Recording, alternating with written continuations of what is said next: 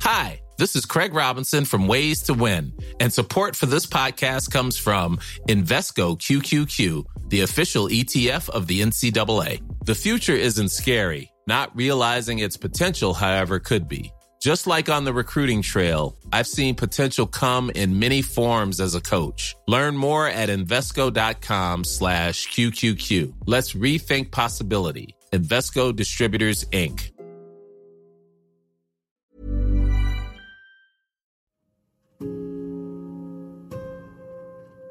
لو صحت لي فرصة إن أنا أطلع برا البلد راح أطلع لأنه هون بالأردن اللي هو بلدي اللي هو من حقي إنهم يأمن لي فرصة عمل ما أمنوا لي إياه لأنه بدي شغل. يعني الحياة صعبة هون ما في شغل. وإنك تبني حياة معينة وترجع ل... من أول وجديد تأسس فصعب نوعا ما بصراحة موضوع الرجعة وصعب إنك تلاقي الأوفر اللي بدك إياه. عبد الله أردني من محافظة مادبة. بيشتغل بدولة خليجية من سنتين تقريبا. عبد الله عمره 28 سنة. درس في جامعة خاصة تخصص محاسبة. ولأن هالأرقام والحسابات شغله وتخصصه اكتشف أنه وجوده بالأردن ضمن نطاق الأجور المتوفرة غير مجدي. حسب دائرة الإحصاءات العامة أكثر من 51% من الأردنيين العاملين في الأردن رواتبهم من 300 ل 500 دينار. واستنادا لمعدل الأسرة المعيارية في الأردن المعتمد لدى الدائرة وهو أربع أفراد. وخط الفقر هو 100 دينار للفرد. فغالبا الأسرة اللي بعيلها هدول الأشخاص راح تكون من ضمن الأسر الفقيرة في المملكة. أنا معكم أنس ضمرة في حلقة جديدة من بودكاست ما العمل في الموسم الأول والثاني من ما العمل تعرفنا على العمال المهاجرين عن قرب وسمعنا منهم عن تجاربهم في الأردن وناقشنا السياسات اللي بتنظم سوق العمل وأثرها على هدول العمال. بس بهالموسم رح نحكي أكثر عن العمال الأردنيين في سوق العمل. عن معاركهم ونضالاتهم اليومية لتحصيل أو حماية حقوقهم. من بين كل ثلاث أشخاص أردنيين باحثين عن عمل في شخص واحد بتستمر فترة بحثه أكثر من سنة ومن بين كل ست أشخاص في شخص بتزيد فترة بحثه عن سنتين. بعلم الاقتصاد هذا يسمى البطالة المزمنة. معدل البطالة العام في الأردن وصل في نهاية 2019 إلى 19.2% وأكثر من ثلث المتعطلين عن العمل من حملة الشهادات الجامعية.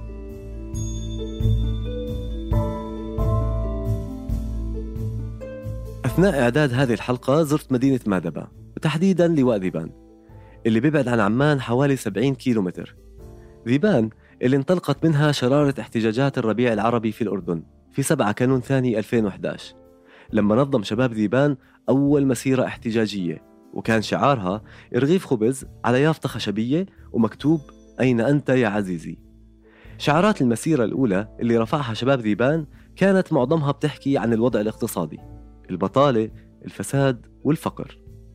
أريج الحيصة واحدة من فتيات ديبان خريجة جامعية من ست سنوات.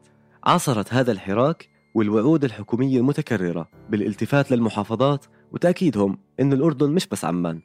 بالإضافة لوعود باستثمارات ومشاريع في المحافظات.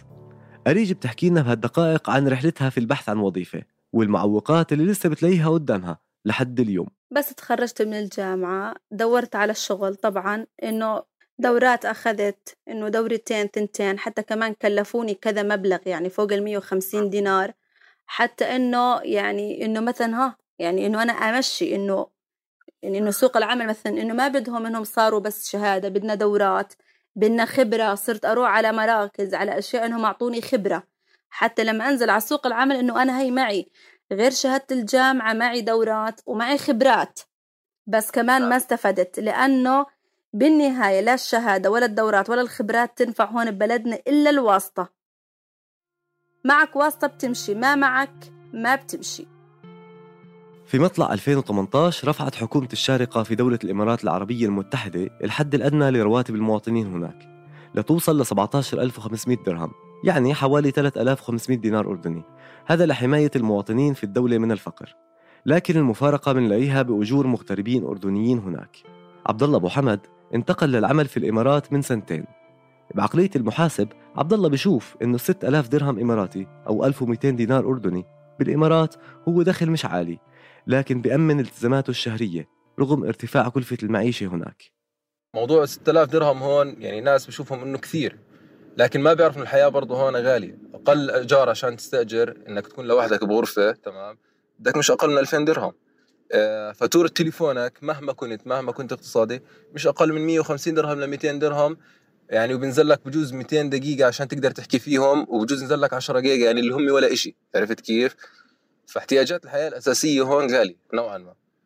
فمهما حاولت تقتصد ممكن توفر. ما بحكي لك إنه مش ممكن صعب التوفير لا ممكن التوفير وتوفر 400 500 دينار مثلا من راتبك لكن بالمقابل تتعب بمعنى الكلمة و... وإذا نزلت بالعطلة أو بالإجازة تبعتك ممكن يطيروا يعني أنت صفت يعني يعني متغرب على إشي وبس بالنهاية عارف إنه راح يروح. يعني ممكن يثمر مجهود الغربة عندك آه، بعد خمس سنين أو عشر سنين. رغم إنه عبد الله ببداية حياته وعمله في عمان حصل على فرصة تدريب جيدة وبعد سنتين من تخرجه حصل على وظيفة براتب كمان جيد. لكن بنفس الوقت بحكي لنا عن التحديات لتأمين أساسيات الحياة في الأردن زي إنه يكون عنده سيارة أو بيت أو حتى إنه يفكر بالزواج. نكون صريحين لشاب بعمر 27 سنة أو 26 أو 25 سنة في أي بلد ثاني بكون ماخذ احتياجاته الأساسية وحقوقه كاملة. لكن أنت وصلت 27 سنه على مستوى سياره ما عندك. إذا فكرت تتزوج ما بدك تتزوج؟ مش قادر تعمل أي شيء. يعني كان مصروفك يا دوب إنه مواصلاتك وشاب يصرف على حاله. علما إني شاب كثير اقتصادي. من يعني كنت ما أدخن كنت أحاول قدر المستطاع أكون اقتصادي من باب التوفير. لكن خلص مهما كنت توفر ما, ما بتزبط معك. يعني 450 دينار يعني بعد الاقتطاعات تستلمهم 380 شو ضل لك من الراتب؟ عرفت؟ لشاب يعني كنت أدفع تقريبا 200 دينار مواصلات بس على موضوع إنه ما بين مادب وعمان وهي طبعا أحد المشاكل اللي بتواجه أبناء المحافظات من ناحية الشغل. وكان كل الشغل متوفر لأهل العاصمة أو لسكان عمان وكان الطلب أساسي إنك لازم تكون سكان عمان. فاضطريت إني أفكر بموضوع الغربة بشكل جدا مهم لأنه العمر عم يمشي ومش قادر تعمل أي شيء في بلدك. ولا أي شيء ولا قادر توفر بالعكس تطلع مديون. وإذا لجأت لبنك أو لجأت لأي شيء بدك كمان 10 سنين عشان تسده أو خمس سنين عشان تسد القرض اللي عليك عشان تجيب لك بس مجرد سيارة. هاي التحديات اللي بيحكي عنها عبد الله واللي بتستمر من لما يتخرج الأردني من الجامعة لحتى يشتغل ويبدأ يكون نفسه. هي تقريبا تحديات مشتركة للكل مع تفاوت مسؤولياتنا. لهيك كتير شباب وصبايا أردنيين بشوفوا بالسفر حل مشاكلهم وأولها هي الحصول على فرصة عمل لائقة. براتب يغطي المتطلبات الأساسية للحياة. عبد الله بخبرنا عن أصدقائه في الأردن اللي بدوروا عن فرصة عمل بالخارج حتى لو بدخل بسيط. لا تكاد تخلو من حياتك العادية إنك تحكي مع حدا بالأردن يحكي لك طب دبرني طب شوف لي شغل. فاخر فترة صرت ترن مثلا على الشباب بيشتغلوا مهندسين بدي أطلع. أطباء بحكي لك إذا صح لي فرصة أوفر منيح راح أطلع. شوف لي آه، محاسبين مثلا أو التسويق أو التخصصات إدارة الأعمال اجمالا أو كليات الاقتصاد عنده استعداد يطلع على 3000 و4000 و5000 يحكي لك بس بدي أطلع من البلد هاي. عدد المغتربين الأردنيين في الخارج حوالي 786 ألف مواطن حسب دراسة حديثة لمنتدى الاستراتيجيات الأردني. يعني في نسبة كثير كبيرة من الأردنيين بيشتغلوا خارج المملكة. هاي الدراسة كشفت من خلال مسح عينة من المغتربين إنه نص المستجيبين قالوا إنه سبب لجوءهم للعمل بالخارج هو إنه الدخل بالأردن غير مجدي بسبب ارتفاع تكاليف المعيشة وانخفاض القدرة الشرائية للمواطنين. أريج وبعد ست سنوات من البحث المستمر عن عمل سألتها إذا كان خيار السفر متاح بالنسبة إلها كفتاة من بيئة تعتبر محافظة. لو صحت لي فرصة أن أنا أطلع برا البلد راح أطلع لأنه هون. بالأردن اللي هو بلدي اللي هو من حقي إنهم يأمن لي فرصة عمل ما أمنوا لي لأنه بدي شغل. يعني الحياة صعبة هون ما في شغل. أول سؤال بتسمعه لما تقرر تشتغل برا الأردن هو متى راجع؟ هذا السؤال غالبا برافق المغترب من اليوم الأول والإجابة بتضل غايبة طول فترة عمله بالخارج. خلي عبد الله يحكي لنا بهالدقائق عن معادلته الخاصة لفكرة العودة للأردن. كيف ومتى بيقدر يرجع؟ هلا بالنهاية كل إنسان عنده قناعة مرده لبلده وصدقا الواحد بحس بغصة إنه مش قادر يأسس حاله في بلده بحياة حلوة هو بده إياها حياة كريمة. ما بحكي لك حياة والله حياة البذخ أو حياة الراتب اللي كثير عالي لا حياة كريمة. بس إنه يعني يقدر يعيش أهله منيح. آه، ممكن أرجع بحالة إنه كان أوفر منيح يحسن من وضعي. وهذا الإشي صعب حاليا العالم بنشوفه بناء على اللي بنشوفه بالوضع السوق.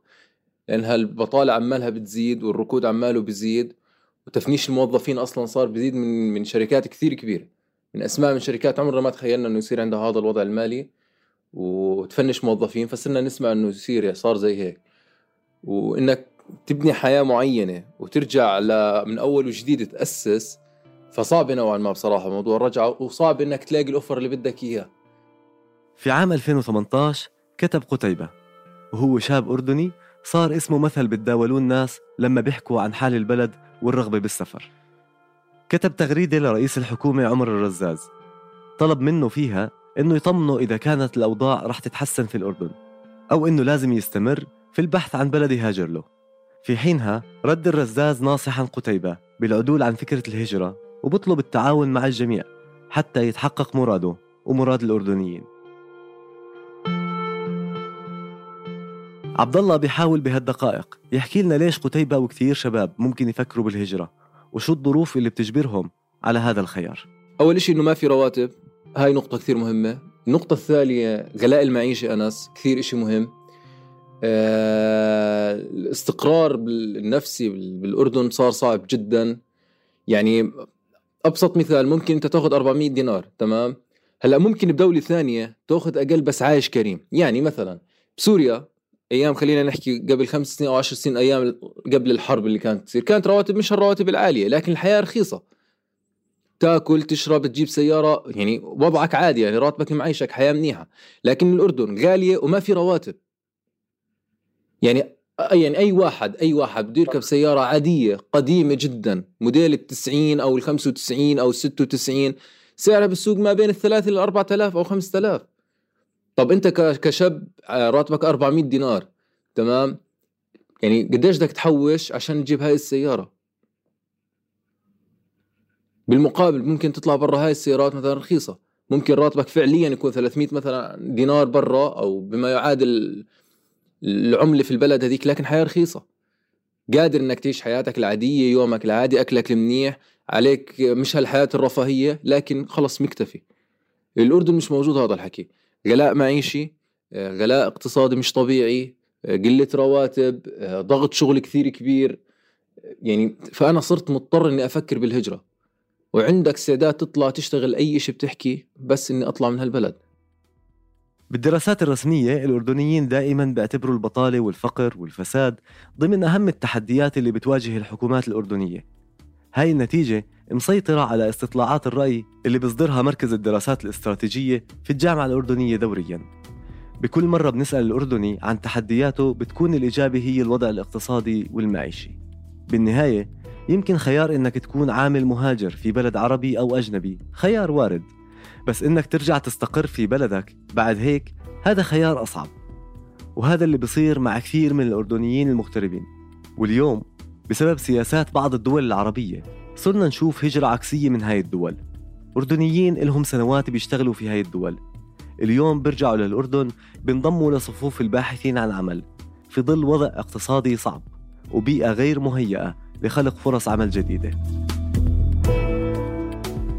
كنت معكم في الإعداد والتقديم أنا أنس ضمرة تيسير قباني في هندسة الصوت يعقوب أبو غوش في التحرير تابعونا على فيسبوك وتويتر للاستماع إلى باقي حلقات برنامج ما العمل من إنتاج منصة صوت.